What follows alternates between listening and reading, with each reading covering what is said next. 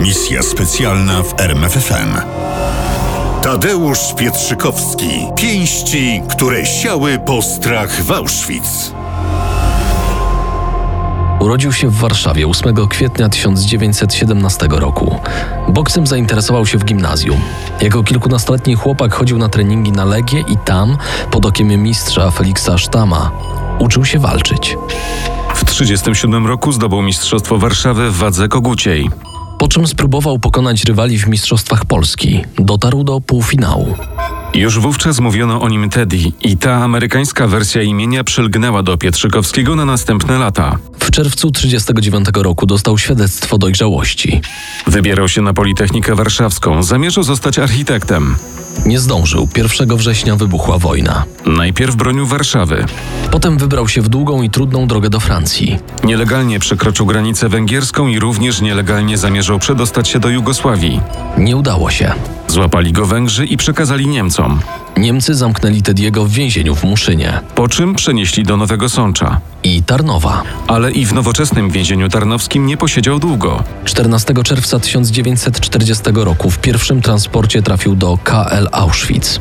Obok rampy spostrzegliśmy mężczyzn ubranych w coś, co przypominało mundury marynarskie. Nosili na rękawach opaski z napisem kapo.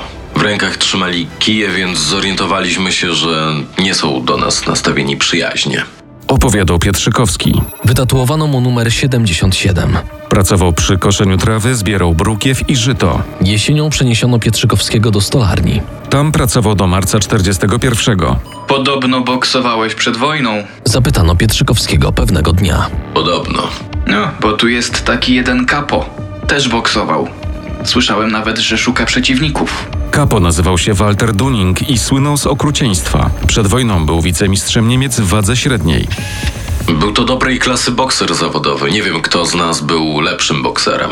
No ale wiem jedno, że są takie chwile, kiedy rzeczy niemożliwe stają się rzeczywistością. Dzieliło ich 30 kg wagi. Niemiec ważył około 70 kg, Polak niewiele ponad 40. W normalnych warunkach żaden sędzia nie dopuściłby do takiej walki. Ale to nie były normalne warunki. To było Auschwitz. Dunning był dobrze odżywiony i wypoczęty. W zasadzie mógł być pewny zwycięstwa, przecież walczył tylko z więźniem numer 77. Ring postawili w rogu dziedzińca obozowej kuchni. Sędziować miał Bruno Brodniewicz. Mimo swojsko brzmiącego nazwiska był Niemcem, bezwzględnym i brutalnym szefem wszystkich kapo i przestępcą z bogatym dorobkiem. W niemieckich obozach koncentracyjnych siedział od 1934 roku. Już dawno zapomniał, jak wygląda normalne życie. W obozie mówiono na niego czarna śmierć. Pietrzykowski założył robocze rękawice. Na ring wszedł boso. Obozowe chodaki mogły tylko przeszkadzać. Dunning już na niego czekał. Wokół ringu zgromadziła się grupa kapo. Gdzieś za ich pleców walkę próbowali oglądać polscy więźniowie pracujący w kuchni. Brodniewicz spojrzał to na jednego, to na drugiego boksera i krzyknął: Ring frei, Kampf! Rozpoczęła się walka. Zanim to nastąpiło, w umyśle jak błyskawica przewinęła się moja uprzednia kariera bokserska. Sylwetka trenera Sztama, pierwsza i ostatnia walka. Wiedziałem jedno, że muszę tę walkę wygrać. Teddy zaczął ostrożnie. Uderzył Niemca w tors. Zanim Dunning osłonił się gardą, oberwał jeszcze dwa razy. Polak był wyraźnie szybszy. Niemiec nieco ociężały, a może tylko zaskoczony werwą więźnia. Otrzeźwił go mocny cios w szczękę. Wokół ringu zrobiło się cicho. Czy to pierwszy raz w krótkiej, jak na razie, historii KL Auschwitz Polak uderzył Niemca? Jakie będą konsekwencje tego faktu? Czy walka zostanie przerwana i zacznie się katowanie Polaków? Nie. Dunning ruszył do kontrataku. Wyprowadził pierwszy cios, potem drugi i trzeci. Pietrzykowski, nauczony przez papę Tama dobrych bokserskich nawyków, uchylił się raz, drugi i trzeci. Niemiec trafiał w próżnię. Nastąpiła przerwa, ale po kilku minutach walczyli ponownie. I znów Pietrzykowskiego otoczył grad ciosów. Pięści Duninga błyskały wokół głowy Polaka. A Polak bystrymi oczami obserwował błyskawiczne ruchy Niemca i uchylał się od pięści wciąż i wciąż. Wreszcie zauważył, jak przeciwnik rozluźnił gardę i szybkim lewym sierpowym trzasnął go w nos. Bij Niemca! Krzyknął z tłumu któryś z Polaków. To nie był pierwszy taki okrzyk podczas tego pojedynku, ale ten poprzedni Niemcy zignorowali. Tym razem było inaczej. Kapo całą grupą rzucili się na Polaków, bijąc ich bez opamiętania. a Dunning zbliżył się do Pietrzykowskiego. Niemiec miał dla Polaka bochenek chleba i smalec, dokładnie tak jak umawiali się przed walką. Pietrzykowski podzielił się tym skarbem z więźniami. A Otto Kissel, kapo numer 2, zaproponował Pietrzykowskiemu lepszą, to znaczy lżejszą pracę. Teddy został opiekunem stajni. Praca w stajni dawała przede wszystkim łatwiejszy dostęp do jedzenia, głównie wody, mleka i otrębów. Pietrzykowski potrzebował kalorii, czekała go cała seria pojedynków bokserskich. Niezupełnie wiadomo, ile razy stawał na ringu. W tym względzie źródła i opracowania podają różne, lecz za każdym razem przybliżone liczby. Ponad 40, 50, a nawet 60 walk. Walczono każdej niedzieli, Czasami w łaźni, czasami na dziedzińcu kuchni. zazwyczaj walczył z innymi więźniami, rzadziej z Niemcami. Tak został nowożytnym niewolnikiem gladiatorem. W końcu walczył ku uciesze panów z SS. W grudniu 1941 roku przesłał Gryps do matki. Boks uratował mi życie, zostałem mistrzem wszech wagobozu KL Auschwitz. Był szybki, zwinny i skuteczny. Niemcy nazywali go Weissnebel, biała mgła. W pierwszych dniach lutego 1943 roku miał walczyć z Linem Sandersem, holenderskim mistrzem wagi średniej.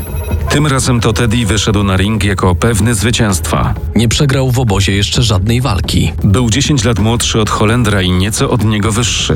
Liczył około 1,70 m wzrostu. Sanders był równie szybki jak Teddy, a technicznie nawet lepszy i trafienie go sprawiało wiele problemów. Tak pisał Andrzej Fedorowicz w książce Gladiatorzy z obozów śmierci. W siódmej rundzie Pietrzykowski zaatakował. Obrzucił Holendra serią ciosów, lecz żaden nie trafił w cel. Za to trafił Sanders i to tak mocno, że Teddy padł na ring. Nie był to jednak knockout. Zanim sędzia skończył liczyć, Pietrzykowski wstał. Walka trwała aż do 12 rundy. Wygrał Sanders na punkty i przez następne dwa tygodnie to Holender był mistrzem wszechwag w KL Auschwitz. Potem nastąpił rewanż i tym razem wygrał Pietrzykowski przez techniczny knockout. I nie pozwolił się już pokonać do końca pobytu w KL Auschwitz. Lecz Pietrzykowski bił nie tylko w ringu. Pewnego letniego dnia 41 roku Forarbeiter, czyli człowiek pilnujący grupę robotników, zaczął bić jednego więźnia. Teddy podbiegł do niego i bez ostrzeżenia uderzył go kilka razy w twarz. Na co, dodajmy, dostał zgodę swojego kapo. I wtedy stało się coś niezrozumiałego. Jakiś nieznany człowiek złapał wtedy jego za rękę. Synu, nie bij. Odczep się, bo i ty dostaniesz. Proszę cię, nie bij go. Spójrz, ile wokół nas jest zła. Chcesz być tacy jak oni? To co, lepiej, aby on ciebie bił? Teddy nie wiedział, co zrobić. Tego proszącego więźnia widziałem wówczas po raz pierwszy. Jego twarz była jak nienormalna, łagodna, dziwnie spokojna. Nie wiedziałem, co powiedzieć. Zabrakło mi języka w ustach. W końcu machnąłem ręką i odszedłem. Dopiero później Pietrzykowski dowiedział się, że był to Franciszkanin, ojciec Maksymilian Kolbe. Spotkali się jeszcze kilka razy. Po raz ostatni podczas apelu 29 lipca 41 roku, kiedy ojciec Kolbe zdecydował się umrzeć za Franciszka Gajowniczka. Wówczas Pietrzykowski pracował już w obozowym ruchu oporu. W 1941 roku rotmistrz Witold Pilecki przyjął od Tediego przysięgę żołnierza Związku Organizacji Wojskowej, Podstawowym zadaniem związku było przygotowanie powstania. ale do tego była potrzebna broń i wsparcie z zewnątrz, o czym ani w 40 ani w 41 roku nie można było nawet marzyć. Dlatego skoncentrowano się na pomocy więźniom. Dla chorych próbowano zdobyć lekarstwa, dla osłabionych i głodnych chleb. Zwycięskie walki Pietrzykowskiego pomagały w tym przypadku niejednokrotnie. Ale zbierano również informacje o zbrodniach i zbrodniarzach niemieckich. Tym między innymi zajmował się również Teddy. Ale nie na tym zakończyła się konspiracyjna działalność Pietrzykowskiego. Pewnego dnia rotmistrz Pilecki postanowił przeprowadzić zamach na komendanta Auschwitz Rudolfa Hessa. Panie rotmistrzu, Powiedział na to Teddy. ale jak? Nie mamy broni, jesteśmy pod ciągłą obserwacją. To jest przecież niemożliwe. Pracujesz w stajni, prawda? Tak, I opiekujesz się koniem Hesa. Jak on się nazywa? Fulvia. No to chyba wiem, jak przeprowadzimy ten zamach. Wiosną 1941 roku Hess wyjechał na dłużej do Berlina. Przez ten czas nie wyprowadzano konia ze stajni i nie ćwiczono w woltyżerce. Pietrzykowski dbał tylko o to, aby koń nie był głodny. Kiedy Hess wrócił i zamierzał wybrać się na Fulwi na spacer, między derkę a siodło włożono guzik. Hes dosiadł konie jak zwykle. Fulvia natychmiast stanęła dęba, odczuwając prawdopodobnie ucisk guzika. Hes lekceważąco machnął ręką na gwałtowny ruch konia, który popędził do przodu. Pędzący koń w pewnym momencie zmienił kierunek ruchu, załamał się i w tumanie kurzu dostrzegłem pędzącą Fulwię bez jeźdźca na grzbiecie. Wspomniał Pietrzykowski. A co stało się z jeźdźcem? Rudolf Hess zleciał z konia i złamał nogę. Trafił do szpitala. Zamach się nie udał. A tymczasem nad Tadeuszem Pietrzykowskim zaczęły się zbierać czarne chmury. Popularność wśród więźniów i propagandowa siła jego zwycięstw zaczęły przeszkadzać SS-manom w Auschwitz. Trzeba było się Pietrzykowskiego pozbyć, co w obozie koncentracyjnym nie wydawało się trudne. I pewnie Pietrzykowski by zginął, gdyby nie Hans Littkemeyer, szef obozu koncentracyjnego Neuengamme pod Hamburgiem. Littkemeyer przed wojną sędzia bokserski wiedział, kim jest Pietrzykowski i kiedy przyjechał do Auschwitz, zaproponował Hessowi, że zabierze niebezpiecznego Polaka ze sobą. Hess się zgodził. Pietrzykowski wyjechał z Kel Auschwitz 14 marca 1943 roku. Pozostała po nim legenda. Tadeusz Borowski, pisarz i poeta, więzień Auschwitz, pisał, że wciąż tkwi tam pamięć o numerze 77, który niegdyś bił Niemców jak chciał, biorąc na ringu odwet za to, co inni dostali na polu. W nowym obozie Teddy rozegrał około 20 walk. Końca wojny doczekał w KL Bergen-Belsen.